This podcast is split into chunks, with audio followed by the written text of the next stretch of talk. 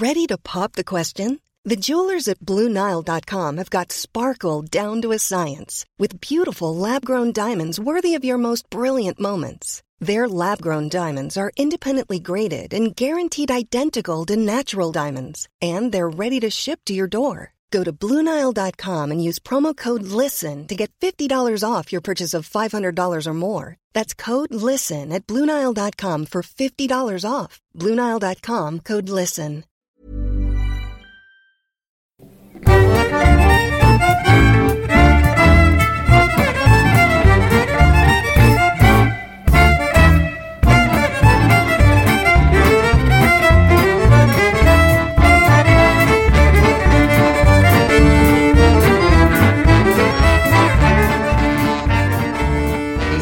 Han är väl snarare en högeranarkist då, Steve Ditko. Så de låg i någon slags ideologisk fade genom alla år. Men det är så intressant levnadsöde hur man kan liksom välja bort tidernas nä- typ tredje mest framgångsrika seriefigur efter Sp- Superman och Batman. Och bara, nej, jag ska göra mina indie-serier liksom. Hej och välkomna ska ni vara till Diagnostikerna. Eh, Vi kom precis in här i ett samtal med ja, våran eh, återkommande gäst här, Andreas Scheffel. Jag sitter också här med Fredrik Ultraxén, tjena! Tja! Och din hemgjorda flädersaft. Ja, fin. Som Andreas gjorde en eh, tummen upp åt här. Och det ska jag... Vänta, det ska smaka också. Ja, gott. Väldigt gott. Ja. Jag tycker inte att vi ska spilla någon tid där, utan vi fortsätter på, på inslaget ämne. Vi ska prata serietidningar idag. I ordets allra bredaste bemärkelse. Åh jävlar. Ja, jag kan ju säga så. Jag har ju läst serietidningar i hela mitt liv. Och jag tror jag började med att läsa serietidningar, tror jag, ehm, hos, när jag var på besök, jag tror jag var sex, fem eller sex år gammal, jag var på besök hos min farmor och farfar och läste min pappas serietidningar som han hade kvar sedan 70-80-talet. Och det var Knasen. Eh, Knasen och det var Kalle Anka och det var... Jag trodde du skulle säga han Don, vad heter han? Nej, vet du vad det var? Det var Chock. Har ni läst Chock någon gång? Ja. Det var alltså skräcktidningar. Det var alltså, jag tror det var svenska versionen av Tales from the Crypt. Då. Var det inte det? Bra då? Det var, det var skräckhistorier. Det var, jag kommer ihåg att det var, var någon historia om någon snubbe som är nere på en strand och så blir han uppäten av någon gegg, sörja, the blob liksom och sådär. och jag tänker på serietidningar har ju varit med mig i hela livet. Jag kommer, när jag började på låg och mellanstadiet började jag läsa Spiderman och X-Men och sådär. Hur, har ni, hur länge har ni läst serietidningar? Alltså, jag läste ju Kalle Anka när man var liten liksom. Det är den nivån på mig. Men sen heter jag manga när jag var yngre, när jag var äldre. Oj. Och så har jag läst eh, Dragon Ball har jag läst. Ja, du har ju läst mer än vad jag har gjort. Jag har inte Hela- läst en enda manga-tidning. Hela tror jag. serien har jag läst. Okej. Hela? Ja. Är den slut alltså? Ja, alltså hela den vanliga. Det finns ju så här GT och sånt som de går upp ännu längre sen. Men de släpper väl det fortfarande? Ja, det tror jag. Dragon Jag Ball? har ju den original eh, Dragon Ball hemma, 1 till 44 tror jag det är. Ja, just det. Pocketar. Det är jättebra. Är de även svenska översättningen? Är den, är den berättad ba- baklänges? De, Ja. Den är det? Så här hardcore? Du läser, du läser den från höger till eh, vänster. Mm. Tvärtom. Ja, just det. Det var en typisk grej man Ja, gör i de just är eh, manga. jättemysiga, men de blir ju rätt mörka i slutet. Där, för han, man får följa honom från att han är en bebis till att han blir fullvuxen Super Saiyan. Men det handlar om alltså Goku som är en, en utomjording, va? En Saiyan Ja. som kommer till jorden. Ja. Och, ska lä- och sen så är han, ska han lära sig slåss, typ. ja, han är från planeten Vegeta. Okej. Och så ska han lära sig slåss, men det är nog inte det som är hans uppdrag från början. Det mesta är väl att han ska överleva tror jag. Okej. Han är bara ett år, men han är ju lika stark som tio vuxna män. Ja, okej. Så den första bilden är på honom är när han bär på en fisk som är typ så här 10 meter lång liksom. Okej. Det är jättegulligt. Ja.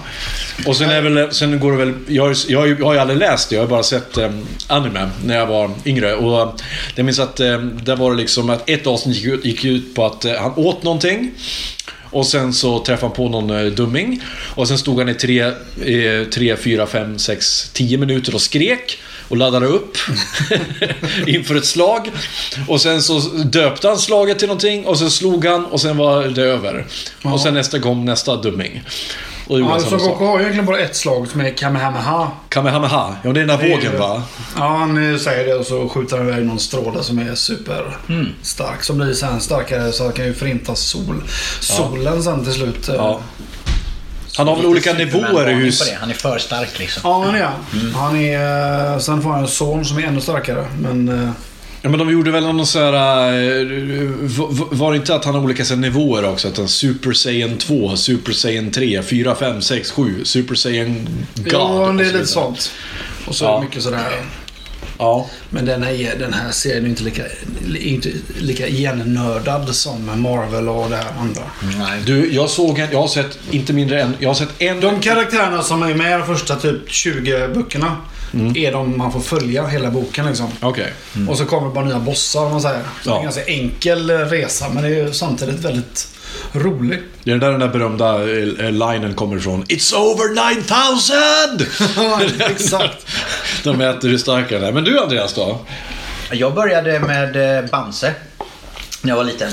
Ja. Han, var, han, var, han var nog mycket min sådär moraliska kompass när jag var liten. Han och min farfar. Mm. Gammal gråsosse, fackligt aktiv på Varvet i Göteborg. Varvet! Ja. Ja. De, de, Var han en av de som sa saker som piss i huvudet, gissa mitt jobb, ting- tioöringen, femöringen, Ja, grosshandlaren, ja, prinsen. han Kalvkotletten. Ja, kanske. Ja. eh, Det, det frågade han ju aldrig frågan om innan han gick bort tyvärr. Men, men eh, ja, det, det kan mycket, han kan mycket väl ha varit en sån. Okej. Han jobbade på Eriksberg i många år. Det var inte det vi skulle prata om. Han, han, eh, han, eh, han var mycket min moraliska kompass och, bam, och Bamse, den här liksom moralen i, bam, i Bamse så här, den, den tog jag vid. Den, Är man stark måste man vara snäll. Ja, och det är ju så här, alla... Jag älskar Bamse. Jag läste också Bamse Ja. mycket när jag var liten. Ja. De vårdar jag ömt. Jag, de flesta, jag läser ju fortfarande mycket serietidningar och samlar och sparar och sådär. Men och, och då, då, då köper jag mycket så här, jag vill ha det i hyfsat skick och sådär. Så mycket gammalt jag har haft har jag köpt igen fast hela liksom. Man har läst sönder dem. Men Bamse har jag inte riktigt hjärta. Alltså det har jag fortfarande kvar mina gamla sönderlästa exemplar. Ja. För att jag har inte riktigt hjärta. Häftigt att liksom. få dem. Du, jag, kan, jag kan säga så, jag minns fortfarande med värme en eh, speciell eh, eh, Bamse-historia. Det var Bamse och de sjungande pilarna, hette den. Och den, och den, hand, den handlade om att eh, häxan Hia Hia eh, Ja, men. Häxan Hia Hia eh, sitter och förtrollar saker och då ska Bamse och Lille Skutt eh, och Skalman ta sig och stoppa henne. Och, för, och de måste ta hjälp av trollkarlen Lurifax. Och det är, eh, ja det, det det är väldigt pårökt eh, sådär. Hade inte han också, Rune Andreasson, en, en mindre känd eh, eh, figur som heter Pellefant? Jodå. Så var det. Alltså, han, det var han som gjorde den. Ja, han gjorde För Pellefant. den var jävligt skruvad. Ja. Ja, märklig ja. serie. Apropå det. Bamse var väldigt skruvat också.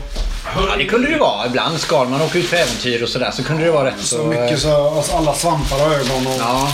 Här, förstår ni. Jag, ba, jag kommer ihåg att jag, jag eh, frågade Andreas om det var en, eh, Jag ville uppmuntra min dotter att läsa. Eh, så då tänkte jag att börja läsa serietidningar, det kan vara ett bra sätt att börja läsa väldigt mycket. Så då, då fick jag en, en kasse av Andreas Ja, här med, den, med, med tidningar. Och om jag bara tar en här så har vi då vi Masters of the Universe. Eh, en He-Man-tidning. Och det här får jag jag sprängs ju av nostalgia när jag ser den här. Eh, för jag hade ju typ alla. Men den är ju värdefullt Nej, det är den inte. Nej. Ja, alltså, Den är, jo, alltså, Jag hade ju inte fått dem om de var värdefulla. Nummer värdefull. 10 1988. Jag har, jag har, jag har dub- dubbletter, det är därför jag går bort den. Jag har alla Masters of the Un- Universe svenska utgåvan. Satan vad vackert. Den här då? Eh, här är Hulken från 1984. Marvel-klubben, nummer 11. Eh, vem är det han möter? Arvingen? Vem fan är det? Är det Juggernaut? Nej, det är det inte. Det är någon Jag vet annan inte fan faktiskt. jävla eh, konstig... Det är så här, det var ju det här de berättade. Ehm, Eh, eh, jag tror Stan Lee sa det, att de skulle komma på en ny skurk i, i, i varje avsnitt 12 gånger om året. Ja. Och då blev det ju till slut att det blev så här konstiga figurer liksom som Stiltmannen och, och eller Stiltman eh, och eh, det var jättemånga konstiga X-Men också liksom att eh, det tar ju slut på, på inspiration till slut. Alltså rätta mig om jag har fel, men efter att ha bläddrat lite grann så här He-Man-tidning, de är ganska homoerotiska de här figurerna, vissa av dem. Absolut, absolut. Kolla den här då. Batman, Mörkrets riddare, Clayface, gamla oförrätter och Den är väl levande hat. gammal? Nej, från 92. Ett barn far illa, blodig hämnd i Alan Moores Vigilante. Det här är ju, det här är ju fina grejer alltså. Allt som jag gav till dig har jag dubbletter av. Det är bara dubbletter. Så att, Ja, eh, nej, men det misstänker jag också. Men just att, så här, att jag försöker ju få min dotter att läsa det här. Kolla det här. Vad är det här? Jo, det här är ju The Dark Knight. Returns. ja. Eh, Dark Knight Returns. Ja. Ja, det, jag, har ju, jag har ju The Graphic Novel. Så att, eh, eh, men det här är alltså eh, den övers översatta versionen av eh, The Dark Knight Returns. Som på svenska heter Den fallne, sista delen. Av Frank Miller med Klaus Jansson och Lynn Varley. 1987. 11,90 kostar den här Det är då. ganska mycket pengar. Ja, men det var fina grejer där, förstår du. Alltså, serietidningar har ju varit med mig i, i hela mitt liv, tror jag. Och det här är väl någonting som att du och jag alltid har haft gemensamt, Andreas, att vi har kunnat diskutera just serietidningar. Och, och så här, jag vet att för inte så länge sedan så såg jag en film om han eh, skaparen till Wonder Woman. Eh, vad hette han nu igen? William Moulton Marston. Så var det ja. Eh, som hade väldigt så här, har du sett den? Jag har sett filmen Wonder Woman. Ja, men inte filmen om skaparen till Wonder Woman. Nej, den har jag inte sett. Den hette Marston och hans kvinnor, tror jag den hette på svenska. Och den handlar då om en... eh, Nu ska vi se. Han är en psykolog, eh, psykologilärare, va? Professor. Ja. Eh, som är ihop med en annan professor. Och sen så bestämmer de sig för att eh, fan, jag är ju kär i en till tjej. Eh, och så skapar de ett, efter mycket om och men då, så, så, så bildar de ett polyamoröst förhållande. Betyder det? På tre. Polygont. Nej, utan tvärtom. Det är motsatsen till poly, polygant. Utan Nej, de, det är polygont. Ja, förlåt. Motsatt till monogont. Ja, eh, polyamorös. Det vill säga att de då är... Eh, det är inte bara så att de har tagit in en tredje unicorn, utan de är, eh, de är ihop alla tre. De är kära i varandra alla tre.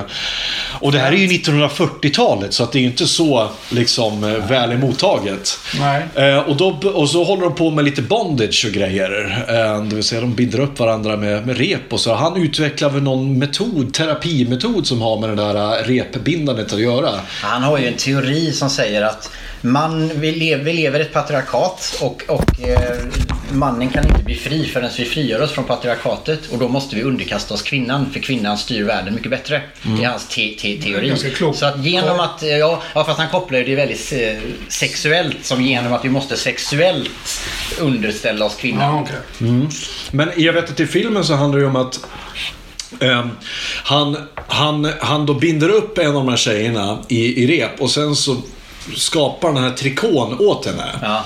Och där så föds då idén om eh, Wonder Woman. Ja. Och sen så börjar han rita. Men det här, eftersom det är den tiden Vad som det här... filmen sa du? Eh, Professor Marston och hans kvinnor heter den på svenska. Jag kommer inte ihåg vad den heter på engelska, men kolla upp det. Jag ska skicka länken till det sen. Gör det. Väldigt intressant ehm, och väldigt tragisk för att ehm, de, det ses ju inte med blida ögon detta. Alltså. De blir ju utfrysta av, av, ehm, av eh, grannar och liknande för de håller ju på med perversa saker naturligtvis. Ja. Eh, och de blir väl kommunistanklagade, blir de Ja, väl det blir också. allt möjligt skit. Det är klart. Så, så att det här med ser, serier har ju varit liksom, har ju varit jävligt kontroversiellt under hela 1900-talet. Det är ju väldigt kul att läsa de första Wonder Woman-serierna om man tänker så här, det var, var ju före The Comics Code och allt det Ja. här, att det satt en, in- en myndighet som skulle godkänna serier. Ja. Men även med det, att det var före det, så tänkte man så här, hur kunde det här gå igenom för barn? Ja. För våra tidiga Wonder Woman-serierna, det är oerhört mycket BDSM-relaterade Aha. grejer och det är mycket fastbundna män, fastbundna kvinnor och det, alltså det är ju inte så att de direkt har sex i se- serier, Nej, men, det, men de- det, det är just, de- det är mycket bondage liksom. De fattar inte det.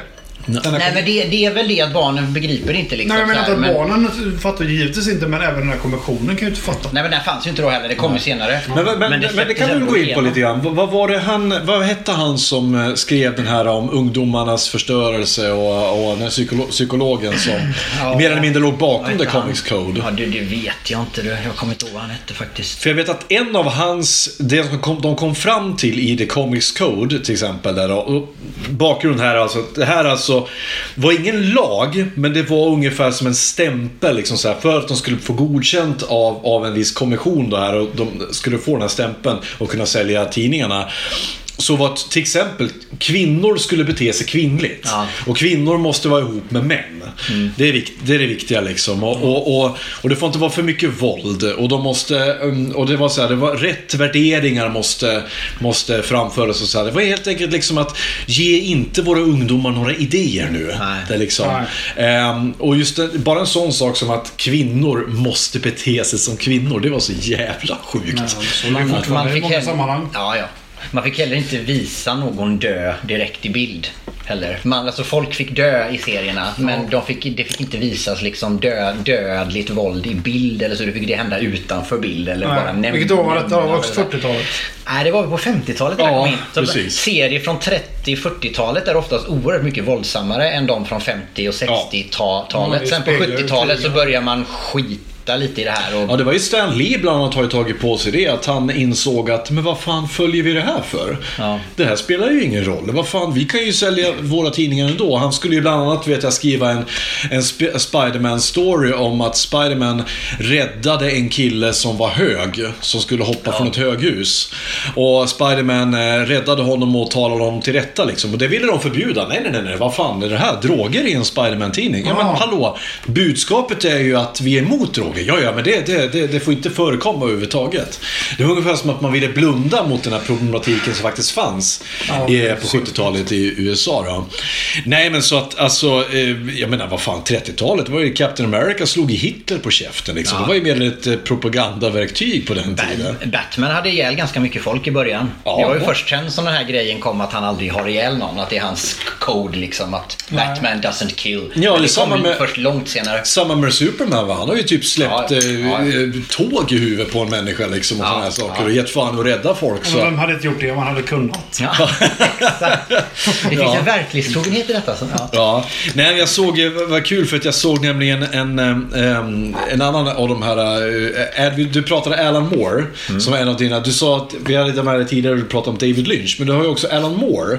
Kan du berätta lite om Alan Moore? Um, Alan Moore är en um, kufisk brittisk författare kan man väl egentligen kalla honom. Han har mest jobbat inom seriekultur liksom sådär med, med grafiska noveller och så. Men han, jag skulle nog säga att han ser sig som författare. Han har ju nu slutat göra serier helt och skriver nu bara romaner. Och hans senaste bo- bok är en stor tjock bok om sin hemstad Northampton tror jag. Okej. Historien. Ja. Men i alla fall han började göra serier i slutet på 70-talet. Hans första serie är faktiskt den enda han har te- te- tecknat själv. Maxwell the Magic Cat heter den. Okej. Med en strippserie som publicerades i en tidning i hans hemstad. Ja. Om en magisk katt och hans äventyr. Och sen så insåg han väl att han var ganska talanglös med att teckna så han nöjde sig med att vara manusförfattare. Och blev kanske den allra bästa Ja. av dem alla. Han är ju verksam inom... Han är ju mest känd för sina superhjälteserier men han har gjort väldigt mycket annat som inte är... Han har gjort skräckserier, han har gjort romantiska serier, han har gjort eh, allt möjligt liksom. Något man känner igen eller?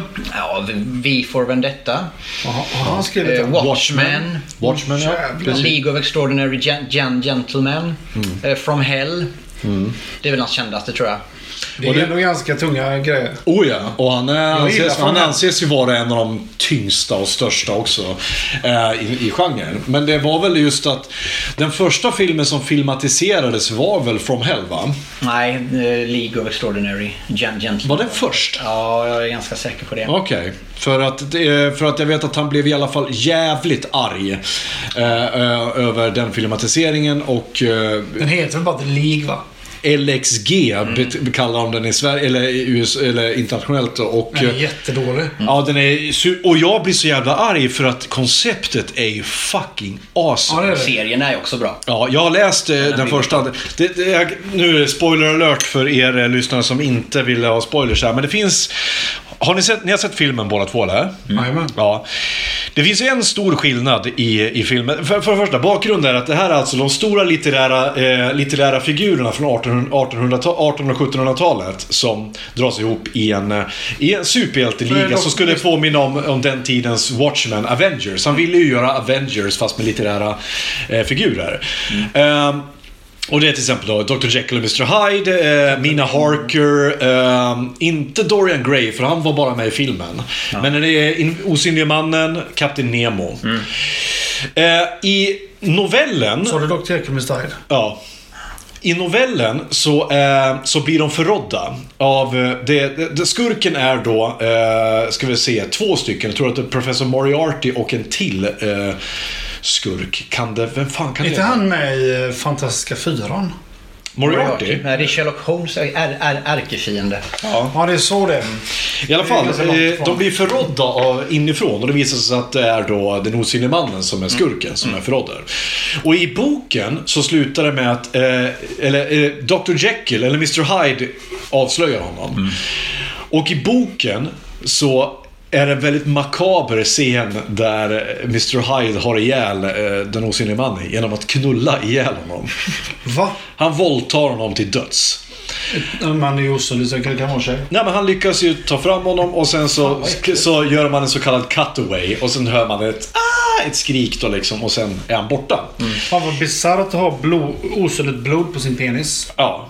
Ja men alltså bara en sån grej att, att, eh, eh, att Alan Moore kommer på den idén. Att liksom bara, just ja, och här ska Mr Hyde fuck him to death liksom. Att, vansinnig. för, i, för i filmen, det de ändrade där var att det var då Dorian Gray och som var Men med Dorian Gray, det andra vampyren eller? Nej, Dorian Gray var en litterär eh, figur som eh, var med i boken. Nu ska vi se vad den Dorian heter. Gray, Grays porträtt. Ja, Dorian Grays Dorian porträtt ja. Eh, och ehm, Av Oscar Wilde. Ja, okej. filmatiserades 1945. Eh, och är en jätte, jättebra bok. Oscar Wilde, han var ju, han var ju, alltså... han levat idag så hade han gjort memes hela dagarna. För att han, han var ett geni. Åt han fikus? Jo, det var han. var supergay. Men han var... Det är eh, en film. Han säger så. Ondska är. Ja. Han har inte fikus. Det sägs att han är socialdemokrat. Nej, men han, eh, han, är- den handlar om en kille som får ett... Han är en rik, vacker man i societeten som får ett porträtt målat på sig. Och eh, av någon anledning som jag tror inte beskrivs jätteutförligt i boken som överförs hans, alla hans synder och alla hans, all, alla, allt hans, hans åldrande överförs på tavlan och inte honom själv. Så han är mer eller mindre odödlig. Eh, och så lever han ett riktigt depraverat pissliv där han, där han gör så många som möjligt illa och ligger med så många som möjligt och utnyttjar dem. Så att eh, den här tavlan då blir bara fulare och fulare och fulare och till slut så... Dör han av att titta på sin egen eh, självbild eller? Nej, han, han, i, i boken så, så får han faktiskt i slutet ett moment of clarity när han inser att shit, vad är det jag håller på med? Och så försöker han att rädda sig själv genom att stäbba tavlan med en, en kniv. Men det slutar med att då bryts förtrollningen och all det, det överförs på honom och så dör han. Och tavlan blir ung igen. Liksom. Eh, otroligt intrikat eh, bok. Och, eh, Ja, det är ett häftigt koncept. Ja, men det är det som är så jävla bra. Alla de här koncepterna eh, var ju bra. Men det var ju det, och det var ju det som Alan Moore som förde över så jävla bra i det här. Det var ju det de inte misslyckades med när de skulle göra filmen. Det sägs ju att filmen var det som fick Sean Connery att lägga ner skådespeleri. ja, det var det. Han har inte gjort någon film efter det. Nej, precis. Så det är ju fakta. Ja. vad heter, vad heter regissören? Var det Steven Sommers? Steven Norrington. Han har inte heller gjort en film efter det. Nej. Det Hans, si- hans sista entry i- på IMDB. Ja. Fan, vad sjukt. Och någonstans där så blev jag Alan Moore också så jävla sur på Hollywood och alla som bara friskrev honom fullst Eller han bara friskrev sig från all... Han, är ju, han hade ju sålt alla rättigheter. Så de fick göra vad de ville, men han ville inte ha sitt namn på det. Nej, han vill inte ha sitt namn på någonting som görs av hans verk. Men sen då kom From Hell Ja. med London och där heter han. Jack the Ripper. Ja. Jack Det var en the- ganska Den bra eh, film. Det är det som är grejen för oss fans. Att det är en ganska bra film, jag håller med dig. Men romanen, eh, eller serien, det är hans mästerverk. Det är så? Ja. Den är 6 av 5 liksom. Och Ja. filmen är kanske 3 av 5. Ja, knappt. Så, ja, knappt. Så, Jag så, har att- inte läst den romanen, men, handlar, men är han inne på den där jävla frimurarspåret där Ja, det är han. Men han, han, skriver ett, han skriver ett förord i bo- boken som är lika intressant som boken själv. Att så här, det finns många teorier om vem, vem, vem som var Jack, Jack, Jack the Ripper. Det här är en teori. Mm. Ja. Det är inte ens den mest sannolika teorin. Nej. Det är inte så att jag tror att så här gick det till. Nej. Men det är en teori. Och vad, vad, vad, vad han vill säga med den, den romanen på ett filosofiskt plan är att The Ripper Murders var liksom en föraning och en filosofisk start av hela 1900-talet Ja. som kommer att bli så oerhört våldsamt och blodigt. Så han knyter ihop händelser som Mm. hände i världen runt 1888 när The Ripper Mur- Murders var. Mm. Kny- allting knyter han ihop till så här Hitlers födelse. Ja. Han knyter, alltså äh, Börjar inte romanen med att “Some men will say that I gave birth to the, to the 20th century”? Ja, typ. Jack the Ripper, bla bla bla. Att eh, den, den är... Det, om, man, om man kan sin Ripper och Ja. liksom är påläst så är det oerhört så här. Han är, han är i, i detalj ner, Mm. ner, ner och liksom... Allting stämmer med verkligheten förutom hans filosofiska teorier naturligtvis. Men, Men, men jag, för, att det här är ju någonting som att det har ju, det har ju kommit åtskilliga teorier. En av de tycker jag intressantaste teorierna, vi pratade om Palmemordet förra gången, men Jack the Ripper är nästan mer intressant tycker jag. Ja. Eh, Det är att det finns en kille som heter H.H. Holmes, som var ett av de mest, tror jag, sannolika morden. Känner du till honom? Ja, lite grann. H.H. Holmes, för er som inte känner till honom, var en seriemördare som var... Han var var ju en psykopat av... Eh, och ingenjör. Psykopat och ingenjör. För det var han som byggde ett helt hus. Eh, Ja, av eh, fällor. Han brukade kidnappa folk och sen så gasade han ner dem. Och så fick de vakna upp i en säng i huset som var fyllt av fällor och, och gas och det var knivar och det var falluckor och allt möjligt skit. Och de eh, liksom skulle bara kunna ta sig ut. Så, teoretiskt sett så skulle någon kunna tagit sig ut. Ja. Men ingen lyckades. Det är lite som så. Ja.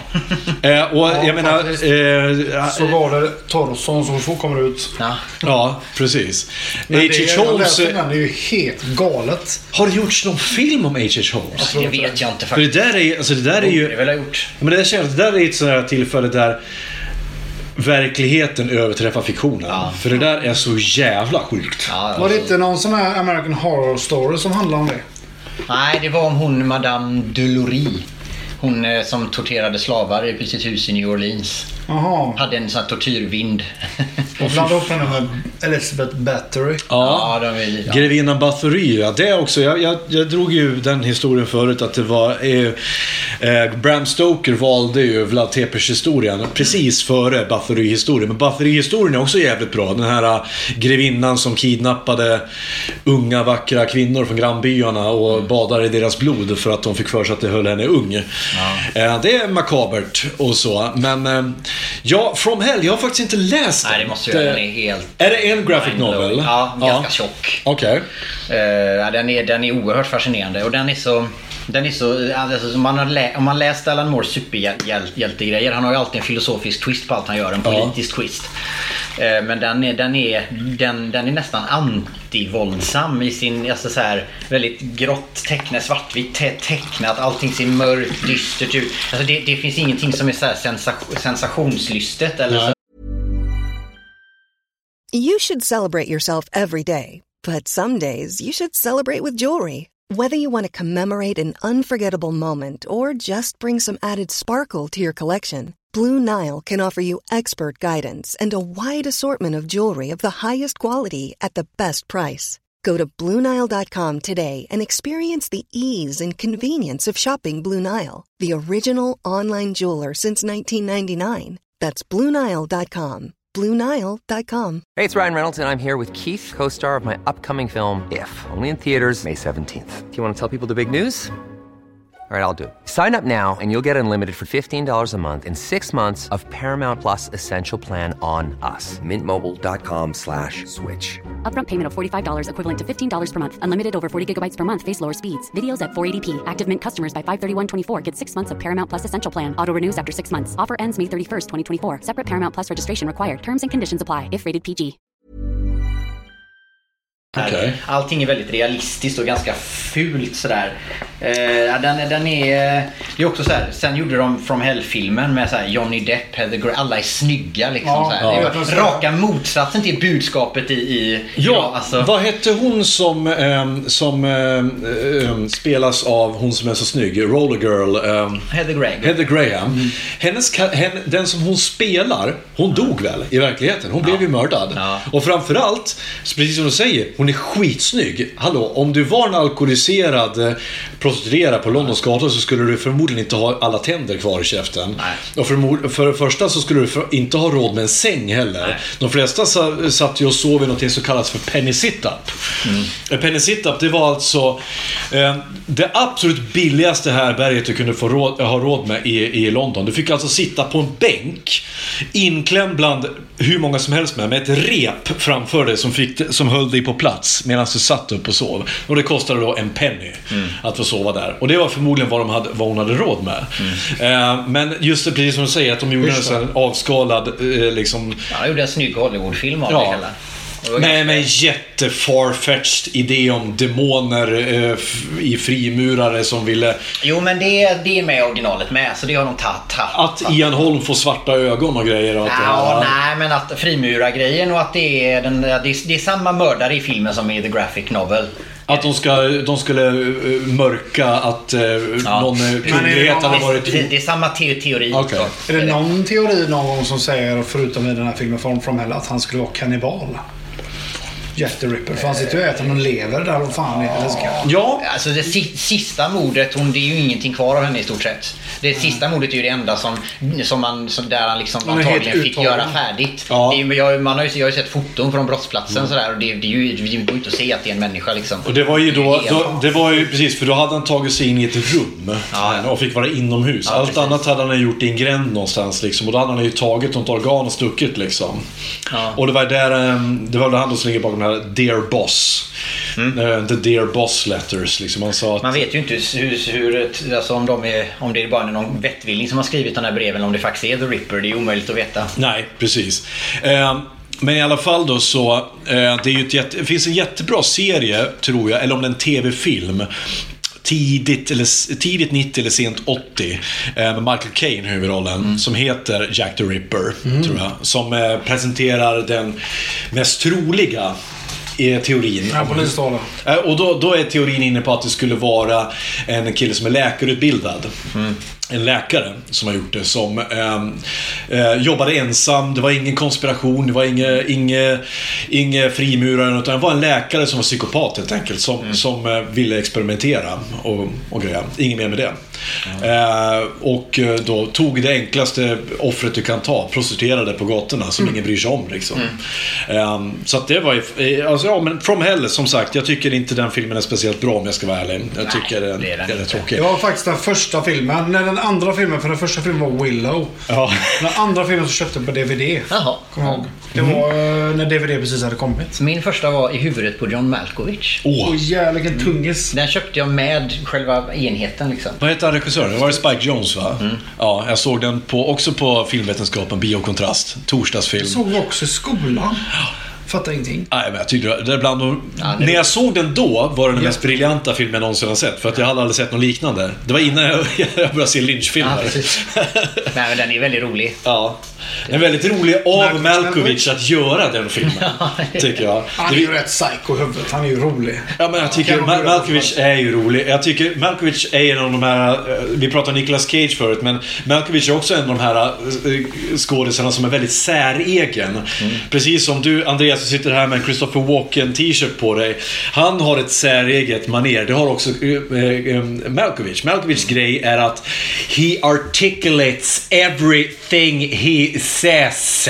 Like, eh, och han, Första gången jag såg Malkovich var den där hemska jävla Con Air. Mm. Då var den råhäftig, men jag kollade om den för ett tag sedan och Ja. jag tog mig fan igenom den. Ja. Den är så jäkla dålig alltså. Som en händelse så är Nicolas Cage med i den också. Ja. Och har Och världens Steve sämsta sydstatsdialekt. Put the bunny back in the box. Alltså det är så, han är så dålig. Men hans tjej i den här filmen är typ den snyggaste som finns. Vem är det? Monica Potter. Jaha. Kolla upp henne. Ja, det måste jag göra.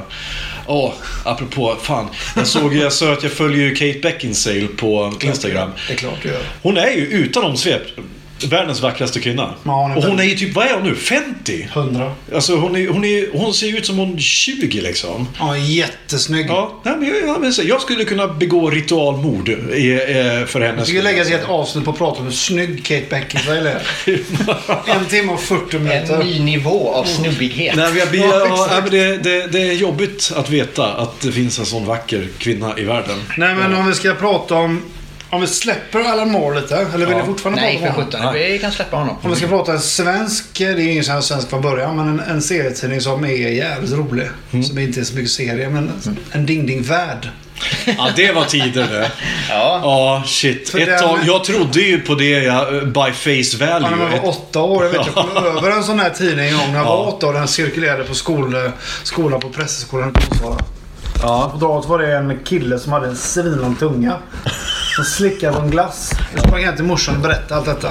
Ja. Hon blev vansinnig. Ja. Ringde till min klassförståndare. Vad är det för skit ni låter barnen läsa i skolan? Ja. Hon hade ingen aning vad detta var för något. Nej. Fantastiskt. Det var en kille som hade typ eh, gjort ett, ett, ett heter det, biljardbord på sitt huvud och sitt afrokrull. Det, var, men det var ju sådana viktiga nyheter. Det är så jävla roligt. Det, ja, jag såg också någon sån här klassiker om en, eh, som alltid dyker upp. ju, Som en kvinna med världens längsta naglar. Mm. Och att hon jobbade som sekreterare eller någonting. Skrev på skrivmaskin och så hade hon naglar som var tre meter långa liksom. Men var det inte någon sån här grej om att det som var i färg var påhittat det, det som var i svartvitt var sant? Var det inte så? tvärtom var det. Tvärtom var det. Ja. Svartvitt Ja, och påhittat och färg. Fast var, var kom den? Vem, vem vidimerar den? Nej men det, det är nog inte en myt, det är nog så att det var så. Var det Alltså så? det var så Ja, för att det ja. var verkligen, det var ju så helt bisarra nyheter. Ja. Typ Ja. världens fetaste kvinna kör, åker jorden runt på en minimoped. Som straight story fast Yes. annorlunda. Och månaden efter kom ut bara världens fetaste kvinna uppäten av kannibaler i Amazonas. Men var det inte... Det är så jävla, samma kvinna. Ja. det är så jävla roligt. Och jag, så jag, jag, det var någon också jag läste, någon, också en svartvit eh, om en, om en man som, som, så här, eh, som åt allting. Han, är så här, Ja. han, har ätit glä, han har ätit knivar och han har ätit eh, glödlampor. Nu ska han äta upp ett helt Ja, flygplan. och, så, så, och då var det en bild på honom när han stod bredvid ett flygplan. Jag bara, ja men du fick ju inte se när han åt det. Men nästa bild var när han stod så med kniv och gaffel och bara Ja. smilade åt kameran. Så var det en muttrare som var på... Ja. ja, det är fantastiskt. Det är så kul i, vad är det, i filmen Men in Black. Så när Tom Lee Jones tar eh, Will Smiths karaktär och så ska de leta reda på, de ska göra research och så bara, ja men du får ju alltid reda på sanningarna i, i, i sensationsblaskorna. Så tog han typ en Ding Ding Värld liknande tidning bara, här, här står sanningen liksom. Visste ni förresten att eh, det är Vincent D'Onofrio som spelar den här eh, bonden i den första Men in Black-filmen som blir besatt av en eh, kackerlacka? Typ. ja, det stämmer. Ja. Att det är Vincent D'Onofrio. Ja, men. Det hade inte jag en aning om. Det är samma som han är med i The Cell. Ja. Duktig skådis. Otroligt bra. Ja. Hänger upp sig i krokar. Jag har Ja. jag sett honom någon gång på The Cell är så jävla underskattad. Har du Ja, sett den på se senare år? Alltså? Bra. The Cell. Nej, jag har inte sett. Alltså visuellt är den ju som skulle ju vara liksom David Lynchs värsta LSD-dröm liksom. För Att att det är, gillar det rockbandet Tool. Ja, jag vet Har du inte. sett deras video någon gång? Ja, ja, ja. Så är ju den filmen. ja. Ja, okej. Svinhäftigt. Den handlar om en, den handlar om en, en, en agent, FBI-agent som spelas av eh, Jennifer Lopez. Ja, Jennifer Lopez ja. Ja, som, eh, som, och de, de, som, de har fångat en seriemördare som brukade fånga så typ barn, kvinnor och så lägger de i någon dödsfälla. Så, så har de så här, klockan tickar. Innan den där dödsfällan fylls med vatten och hon, hon kräver, de måste hitta. Men han ligger i koma, den här eh, mördaren. Så hon måste ta sig in i hans psyke och leta reda på det. Och den är så här, hon lägger sig i någon slags trans och sen så går hon, så filmen utspelar sig inne i hans, i mördarens psyke. Och det är, så, det är jätte, liksom visionär. Jag förstår inte att folk inte pratar om den här filmen mer. Jag tror den släpptes samtidigt som någon annan storfilm som var. Independence Day. Typ. Nej men den är, tror det eller ej, Jennifer Lopez, det låter inte så lockande. Men den är väldigt bra. Och eh, stundtals jävligt obehaglig. Ja, det är väldigt obehaglig hela tiden skulle jag säga. Därför att den är så pass... Det är inte många filmer där man får faktiskt gå in i en seriemördares psyke. Och Nej. se liksom... Och de försöker inte så rättfärdiga vad han gör utan de försöker förklara. Men så den här lilla pojken som är en jävla demonbebis och sånt. Fy fan. Ja, man får se alla hans, person, alla hans personifiering av alla hans sidor. Och så här, att eh, han, är, han har en god sida och så har han en ond sida som jagar honom i hans psyke. Och så här. Det, Jag brukar fråga alla gäster. Vilken är din bästa, den bästa filmen du har sett? Oj, gud, det går inte att säga. Ja, men säg topp fem då. För då kan du välja Harry Potter om du vill. Ja, Harry Potter 1, 2, 3. Ja, du älskar Nej. ju sista Twilight-filmen vet jag va? Michael Sheen. Ja, och han är med i andra, andra filmer. Jaha, Ja, okej. Jag har svårt för honom. Men, men, eh, men vad- fan, bästa, det är skitsvårt. Jag gillar ju Kub- Kubrick och Lynch liksom, gillar jag ju. Ja. Så att eh, det... Men så här, du kan ställa frågan så här då. Vilka är dina favorit fem filmer den här veckan? Den här veckan. Ja, så kan man säga. För, att jag, för mig ändras det hela tiden. Ja, just nu är jag så här, nu, det, det, jag, det jag tittar på just nu håller jag på att plöja den här eh, Women Ma- Make Film av Mark Cousins som går på SVT nu. Jag har inte hört talas om. Mark Cousins slog igenom när han gjorde, jag tror den hette The History of Film, som var en, ja, hur många timmar som helst Mm. lång dokumentär uppdelad på avsnitt där han går igenom hela filmhistorien. Han var känd för sin skotska dialekt och sitt oerhört sävliga sätt att prata. Mm. He, he talks like this. Okej. And he does the voice-over like this. Ja, jag vet inte om det där hördes på mig. Ja, men då har han gjort en liknande om eh, där han, där han berättar, eh, där han går in mer, mer på tekniken hur man gör film, hur man gör en närbild, hur man gör Ja. ditt, hur man gör en snygg åkning. Men han väljer bara ut filmer som har regisserats av kvinnor. Ja. Enbart. Och sen får, eh, får kvinn, kända kvinnliga skådespelerskor göra voice-over istället för att han själv ska göra det då. Ja. Jävligt intressant när de dissekerar in sådär. Så nu har jag blivit lite såhär Jane Campion, fan vad hon gör bra filmer alltså. Pianot och Mm. ja, det, det, Så jag är lite inne på henne nu alltså. Så här, det, jag, fan Mm. jag gillar Jane Campion alltså. Och Och, mer. eh, hon har gjort, eh, det står still nu, det är mycket pianot just nu. men, men, Fan, men jag hon har gjort den här... pianot. eh, Det är Sam. Neill va? Och, Nej men det är väl han... eh, nej, det är Harvey Keitel är det va? Ja, eh, det är det nog ja. Precis. Ja. Ja. Alltså Ja, det den var är den med. Adrian Brody. Pianisten. Pianisten. heter det. Ja okej. Ja, var verkligen Nej men det, det, så det, det är mycket sådär, jag, jag nör, nördar liksom in Man sitter och tittar på de här. De, de är ganska, det varje avsnitt är en timma men det går väldigt långsamt. Och det är nästan så här. Man, man, man sjunker in i någon slags hypnos när man tittar och det blir så tekniskt sådär. Alltså Ja. liksom Ja, vi ser den här mannen. Han pratar med kvinnan. Kameran gör en åkning. Men vad händer nu? Vi får in en tredje person. Och så kom, alltså så här, man bara, ah, fan det är nice. Och så liksom, jag gillar att han lyfter fram, nej men fan nu ska jag göra den här grejen. Det ska vara jävligt nördigt. Men nu ska det bara vara filmer regisserade av kvinnor. Och man får en helt bra bild av vad fan vad mycket bra film som har gjorts. Som man inte ens hört talas om. För att det är kvinnor som har gjort det. Så här. Nej, det är, fan det är skit. Vad heter hon som har gjort Lost in translation? Sofia Coppola. Sofia Coppola, hon är med lite grann i den. Och även... Eh, Den är väldigt bra. Patty Jenkins är väl med? Ja, och eh, ja, ja, det är hon. Och ja, det står nu helt still nu. Ka- Hurt- Ka- Ka- Catherine Hurt Locker. Bigelow. Hurt precis, Locker, Hurt Locker. just Eh, Hon gör ju ganska så här feta actionrullar liksom. Är det en kvinna som gjort Hurt Locker? Ja, Catherine Bigelow. Hon vann väl till och med Oscar för den va? Eller blev Oscarsnominerad? Tror jag. Den vann Oscar för bästa film. Det var den första eh, film regisserad av en kvinna som vann för bästa film. Alltså det trodde jag var Lost in translation. Nej, den vann aldrig Oscar för bästa Nej. film. Bästa originalmanus tror jag. Ja okej. Och apropå Lost in translation, har inte med det att göra utan det har med Alltså, Scar- Scarlett? Johansson att göra.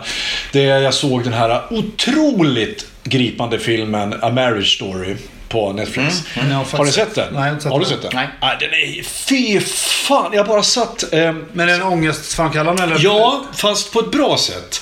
Det handlar om ett par som ska skilja sig och ligger i någon slags vårdnadstvist om deras son.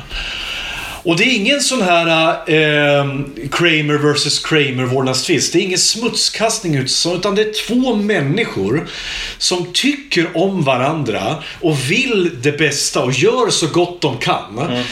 Men det är liksom så här, det är så här, jag som frånskild, jag som, som har varannan vecka och just det där, jag kan känna igen mig det här att på min vecka måtte jag inte göra något fel nu som mitt ex kan använda mot mig när det gäller mitt barn. Liksom så här, måtte min, mitt barn tycka om den maten jag gör eh, och måtte, liksom så här, måtte jag göra allting rätt. Liksom så här.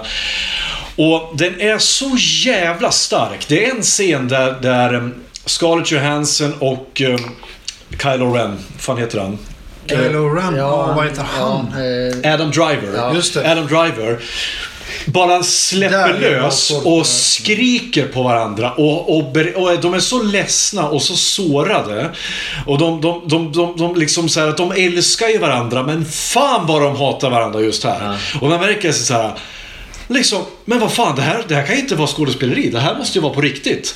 Men de, sa, de har själva sagt att nej, vi följde manus till 100 Han har skrivit ett manus då. Inte en enda jävla line är, är, är improviserad. Utan allting är ex, Vem exakt. var det som hade skrivit den då? Jag minns inte. Det är det som är så jävla jävligt. Men jag kommer att tänka på när du sa Lost in translation. Men det är- Jag rekommenderar den 100%. Har du sett Blue Valentine? Ja. Ja, det är ju samma grej. Ja, jag såg, den såg jag med mitt ex, eh, med Milas mamma. Och det var, där visste jag någonstans att det här är början till slutet. På, Ja, för att, ja. Den är, den är, Shit. den är för sista scenen, alltså det, och jag har ju inte ens barn själv och vill inte ha, men, men den är ju, slutscenen i Blue Valentine, Mm. Ja. den, den går ju, det går inte att titta nästan. den handlar om ett par Är den som ska... än slutscenen i Hachiko? ja, ni skrattar. Nej, vi har inte sett den, men jag, jag kan tänka mig att det handlar om en, om en hund som... eh, Nej, den handlar om en hund vars husse dör. Va? Ja, men hunden dör ju till slut också Ja, just det. många, många år. Jag tror du menar som Marlon Fortsätt, ursäkta. Valentine, Blue Blue Valentine. Valentine handlar om ett par som ska göra en sista ansats att rädda sitt förhållande. Genom att åka iväg på en så här, skabbigaste motellet så här, som De är, de, är, de är väldigt amerikansk underklass, bör Ja. till, till tilläggas, de är fattiga. Liksom. Ja. Och så försöker de ta sina, så så här, nu ska jag åka iväg så ska de bara knulla en hel helg och försöka rädda upp det. Och det är, sen är det Ja, 90 minuter ångest. I hur hopplöst allting är. Och, Och Michelle Williams och Ryan Gosling är så överjordiskt bra Ja. i den filmen. Det är helt, alltså så här, det, det är som hade varit. Men, men Williams var- spelar ni nu eller, Ja. eller är det alltså så här, det är som att man, tror, man tror att det är improviserat fast Ja. det inte är det liksom. Vem är Michelle Williams? ja, vad har hon gjort för film? eh, Ehm, Är hon mörk eller? Nej, nej. nej, ja, jag kommer inte på vad hon har gjort mer. Men, För Ryan Gosling är en skådespelare. Ja, han är stor. Lärt mig att förstå. Nej, men han är väldigt Tills jag bra såg. Drive. Ja, han är väldigt bra i, i Ja, den. men framförallt eh, de- de här två filmerna, Marriage Story och Blue Valentine, är... De är bra för att de är så jävla på riktigt. Ja. Det är liksom, har du någonsin haft relationsbekymmer? Har du någonsin haft en ångest som handlar om de enkla sakerna i livet? Som att liksom vara, att vara rädd för att förlora den du älskar. Att vara rädd för att du inte räcker till. Att du försöker göra allting så, eh, liksom att du vrider ut och in på dig själv. Och till slut så vet du inte vem du själv är längre. För att du bara försöker ändra allting bara för att hålla kvar vid någonting som förmodligen var dödsdömt från början. Liksom. Ja, det, är, det, det, det är starkt. Och det är det jag menar, att de bästa filmupplevelserna jag har varit med om, det är saker som hits hard to home. Ja, som man säger. Ehm, och sen behöver inte filmen rent tekniskt vara den bästa filmen. Det är som man säger, jag har ju sagt att min favoritfilm alla kategorier är Inglourious Basterds. Men det har ju ingenting med mig att göra. Nej. Utan det är bara för att den är rent underhållningsvärde är den film jag sätter på och kollar på flest gånger. Jag älskar den. Ja. Men eh, sen jag fick blev barn till, eller blev pappa så, har jag ju, så är det ju egentligen alla filmer som ger mig en upplevelse. Allt som, som träffar mig i hjärtat. Det är ju filmer som har någonting med barn och förhållande att göra. Till exempel The Road. Fy fan, jag må, jag, alltså, det, den är ju bland de starkaste filmerna jag Jag sett. tycker i om den, eh, vad heter den, The Pursuit of Happiness. Ja, det är också tung. Fan, det är också en sån här film som jag gråter åt. Men jag, jag, jag skulle säga att den är lite... va? Va? Han har också sprungit med sin unge va? Ja, han, blir, he- han blir hemlös. Ja, den är riktigt hemsk. Ja, den är jobbig. Men så här, för att återgå till det, så, eh, vilka är topp fem just nu? Jag kan säga Ja. två grejer som jag har blivit berörd av inom ramen av två år. Eller där jag har blivit riktigt berörd. Alfonso Cuarons film Roma. Netflix-film eh, som kom här om året. Eh, som var den första Netflix-producerade film som blev var nominerad för bästa film på Oscar. Brukar den vann inte men den, eh, ja, men den, den vann inte men den var nominerad. Eh, Oj, den, it blew me away. Helt Fan. svartvit film om en, eh, en, en, en film han faktiskt har gjort i sitt hemland Mexiko. Utspelar sig i Mexiko på 70-talet i Mexico City om ett överklasspar som anställer en, eh, en eh, eh, hushållerska liksom. Och så får man liksom följa hennes hennes resa. Men Alfonso Cuarón han är ju, han är ju mästaren av långa tagningar. Ja. Eh, Så, alltså, det är så här tagningar som aldrig tar slut och man bara undrar hur har ni gjort detta? Alltså hur har ni lyckats stagea den här scenen? Det är bland annat en scen där hon är ute och badar med, med eh, de hon jobbar med, hen- Ja. hennes barn. Så här. Och då börjar de på, liksom på stranden, hon pratar med barnen, hon, hon, hon klär liksom av barnen. Simmar, hon, hon går ut i vattnet med barnen. Pojken säger ah, jag ska bara simma ut lite grann här. Ja, gör du det? Fortfarande inget klipp liksom. Det är fortfarande samma kameravinkel. Hon badar med flickan. Hon, hon går tillbaka till stranden. Helt plötsligt så är pojken där ute och håller på att dö och hon måste rädda henne liksom. Och det är fortfarande samma jävla tagning. Liksom. Fan. så ja, det, den, är så, den är så bedövande vacker den här filmen. Men det är han som har gjort de här filmerna med eh, typ Crush och de här va? Nej, han har gjort den här... eh, Ja, dels har han gjort eh, tredje Harry Potter, för Prisoner of Azkaban. Men han har gjort den här, vad fan heter Det är den nu? Det står helt still. Um, det är också känd för sina evighetslånga åkningar. Han åker i en bil och så tar se, de scenerna tar liksom aldrig slut. Det är här, så här, biljakter och så är det liksom inga klipp typ. Är Traffic eller? Nej, eh, Ronin? Ja, just, det står helt, helt still nu. Skitsamma. Nej. Eh, men, men han, eh, ja, det, det är en otroligt vacker film. Den berör, berörde mig på djupet. Alltså så här, enkel historia. Roma. Eh, Roma, ja. Jag ska kolla. Men Netflix-filmer, alltså det, som sagt, du ska inte eh, undvika dem. The Irishman var ju Det är redan... mest för att min tjej bara vill kolla på skräckfilm. Ja, det är deras Och egenproducerade Netflix skräck. är- Ja, ja. Fan, nu sådana botterna. ja, det är fruktansvärt dåligt. Fast Stranger Things gillar jag, va? Fast det är väl ingen skräck å andra sidan. Ja, det gillar du ja. Va? Att vara beef. Ja, du gillar ju inte Stranger Things. Jo, jag älskar Nej. Stranger Things men jag hatar det. handlar ju inte om någonting. Nej, men det... Va? Är du störd i huvudet? Du har ju handling hela tiden! Och nej, jag, jag gillar inte tecknade monster bara. Vad sa du? Jag tycker tecknade monster är så jävla dåliga. Ja, men det, det är väl inte det. Jag, jag tittar ju bara på det av nostalgiskäl. det Jag har är faktiskt inte sett Stranger Things. Jag tror jag är en av få är- som inte har gjort det. Det är klart sevärt. Speciellt Ja, första säsongen var faktiskt bra. Eh, det är en av de första, en av de få eh, gånger jag har sett barn ha dialog som barn har. Barnskådespelarna var ju fantastiska. Ja, eh, det värsta när jag vet när man var barnskådespelare att man märker att de läser repliker som vuxna har skrivit. Absolut, absolut. Typ första jag, jag, min andra grej jag skulle säga var faktiskt en, eh, eftersom jag själv är skådespelare så är det kul att se en skådespelarinsats som man blir blown away av. Mm.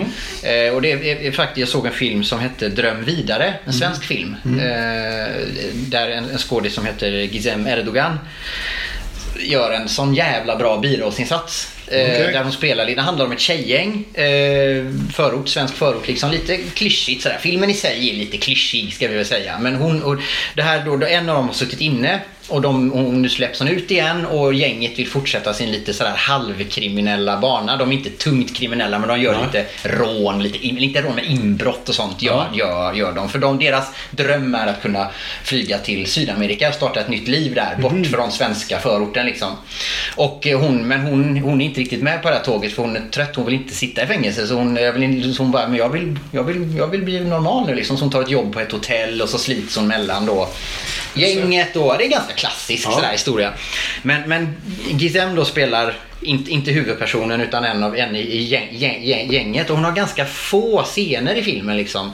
Men det är sådär Spelar du nu eller är alltså sådär, det, det är så otroligt trovärdigt skådespeleri ner i minsta molekyl i din, ditt minspel att jag bara sitter och Ja, hon är så jävla bra Men det är sånt som ni som liksom. jobbar som skådespelare ser och sånt. Fast jag tror att du hade sett, du hade också, du hade, hade du sett filmen hade du också tyckt att hon var jävligt bra. Jag såg Ja, inte ja, någonting ja, det annat. kan jag absolut göra. Men jag tycker Eh. typ att eh, Ian McKellen är bra i Sagan om Hon, ringen. hon, har, en- hon har en scen. Hon har en scen där det här gänget går upp på hotellet där, där huvudpersonen, huvudkaraktären jobbar. Och de, hon har liksom inte berättat att hon har tagit det här jobb, jobbet för att hon vill inte att hennes vänner ska veta det.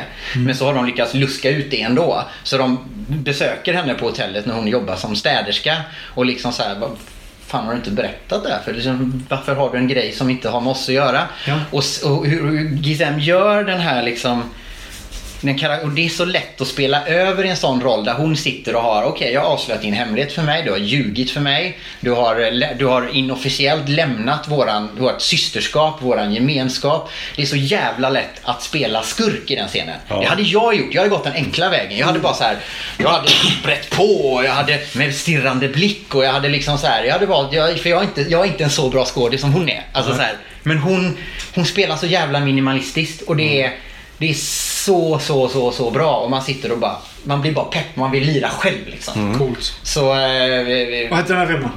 dröm vidare. Som sagt, som film tre av fem. Men just Gizem, eh, åh fan vad bra hon är. Ja, Fan, men vad ibland, är ju, ibland räcker det för att en film ska vara bra. Jag kan ju titta på en film bara för att jag, jag vill se den scenen. Ja. Och sen så kollar jag på hela filmen. Ja. Till exempel, nu råkar Inglourious Basterds vara en sån där varje scen är så. Ja. Men jag kan ju bara titta på den för att jag vill se första scenen. Ja, den här farmhouse-scenen. Med, Ja, med, för att den är så jävla obehaglig. Men jag tänker på en Eh, samma sak där, en film som jag känner obehag när jag ser, men jag har sett den 20 gånger för att jag kan inte slita ögonen ifrån det. Det är Martyrs.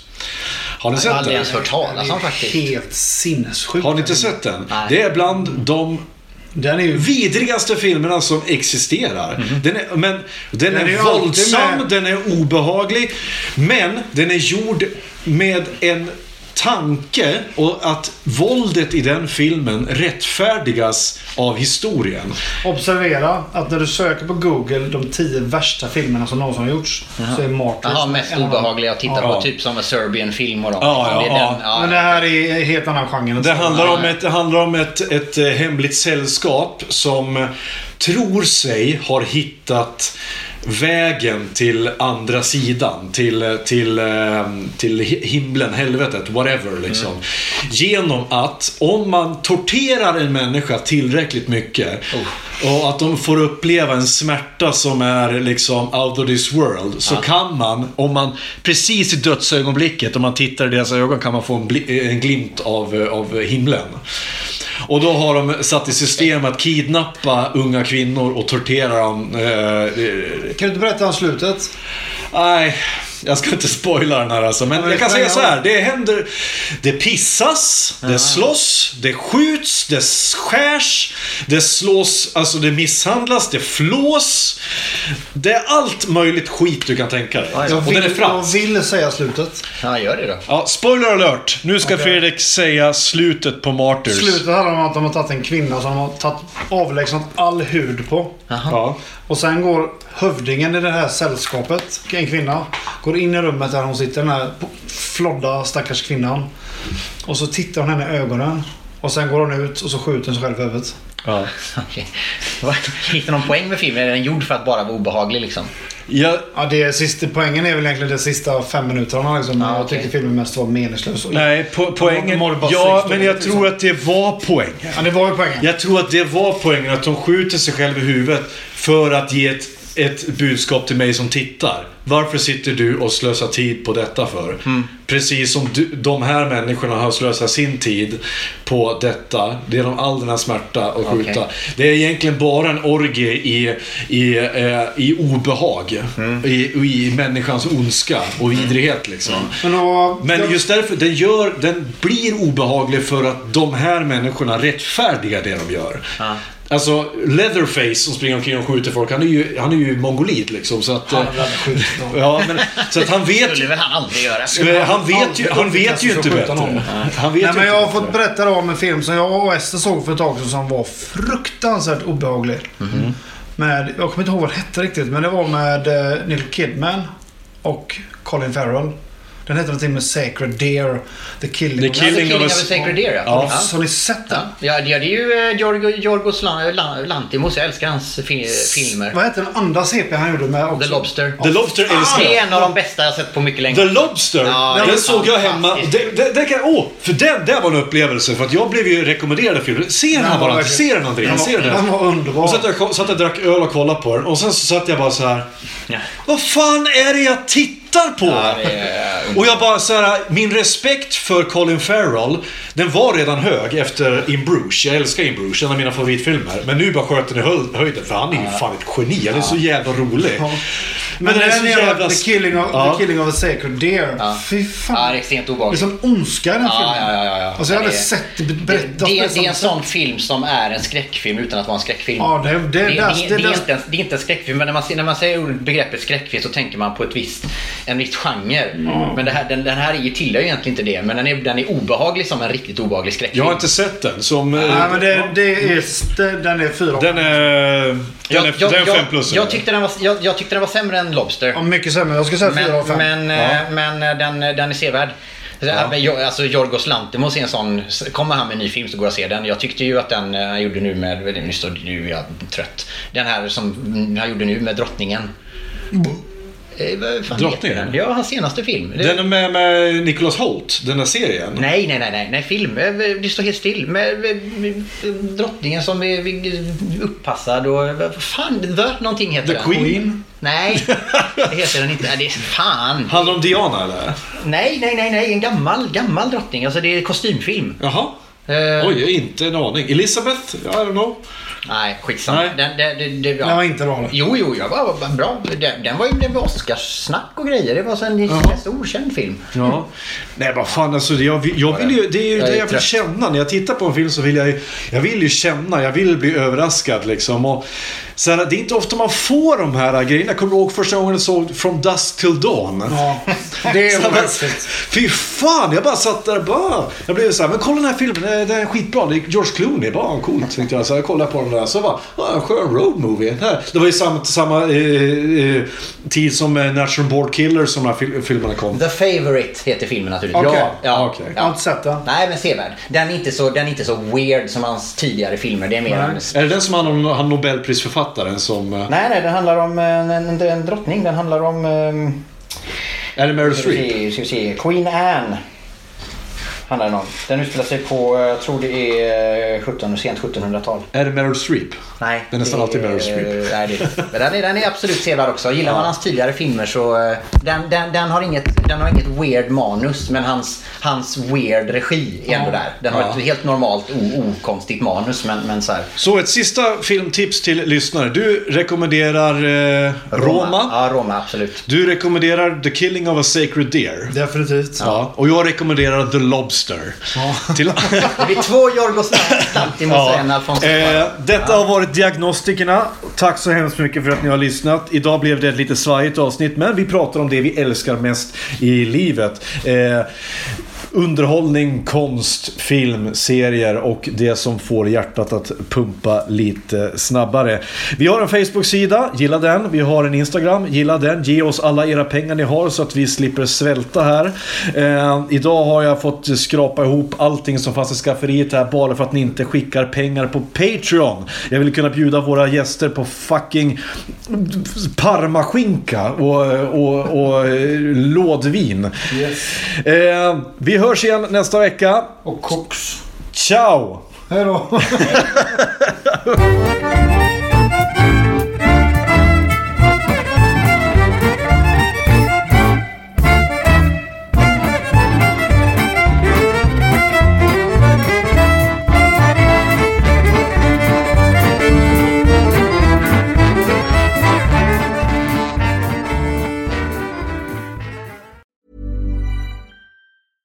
Ever catch yourself eating the same flavorless dinner three days in a row? Dreaming of something better? Well, HelloFresh is your guilt free dream come true, baby. It's me, Gigi Palmer. Let's wake up those taste buds with hot, juicy pecan crusted chicken or garlic butter shrimp scampi. Mm. Hello Fresh.